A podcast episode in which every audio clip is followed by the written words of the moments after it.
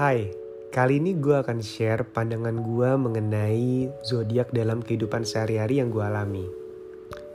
Ya, percaya nggak percaya? Begini, ramalan zodiak memberikan warna baru untuk kamu yang mungkin sedang sendu. Membaca kata per kata setiap minggu membuat kamu percaya akan tulisan dan takdir hidupmu. Sampai lupa banyak hal yang mempengaruhi keadaan kita sekarang dan ke depannya. Tak cukup rasanya tulisan singkat menggambarkan alur sebuah cerita tentang kamu. Apalagi kalau sampai tak bisa lupa dan gak mampu dicerna logika. Terkadang kita menilai orang hanya dari bintangnya saja, tanpa perlu mengenal pribadinya. Apa iya? Sanggup mendeskripsikan semuanya? Jangan sampai cerita buruk sebuah zodiak mampu membawa jarak antara kita.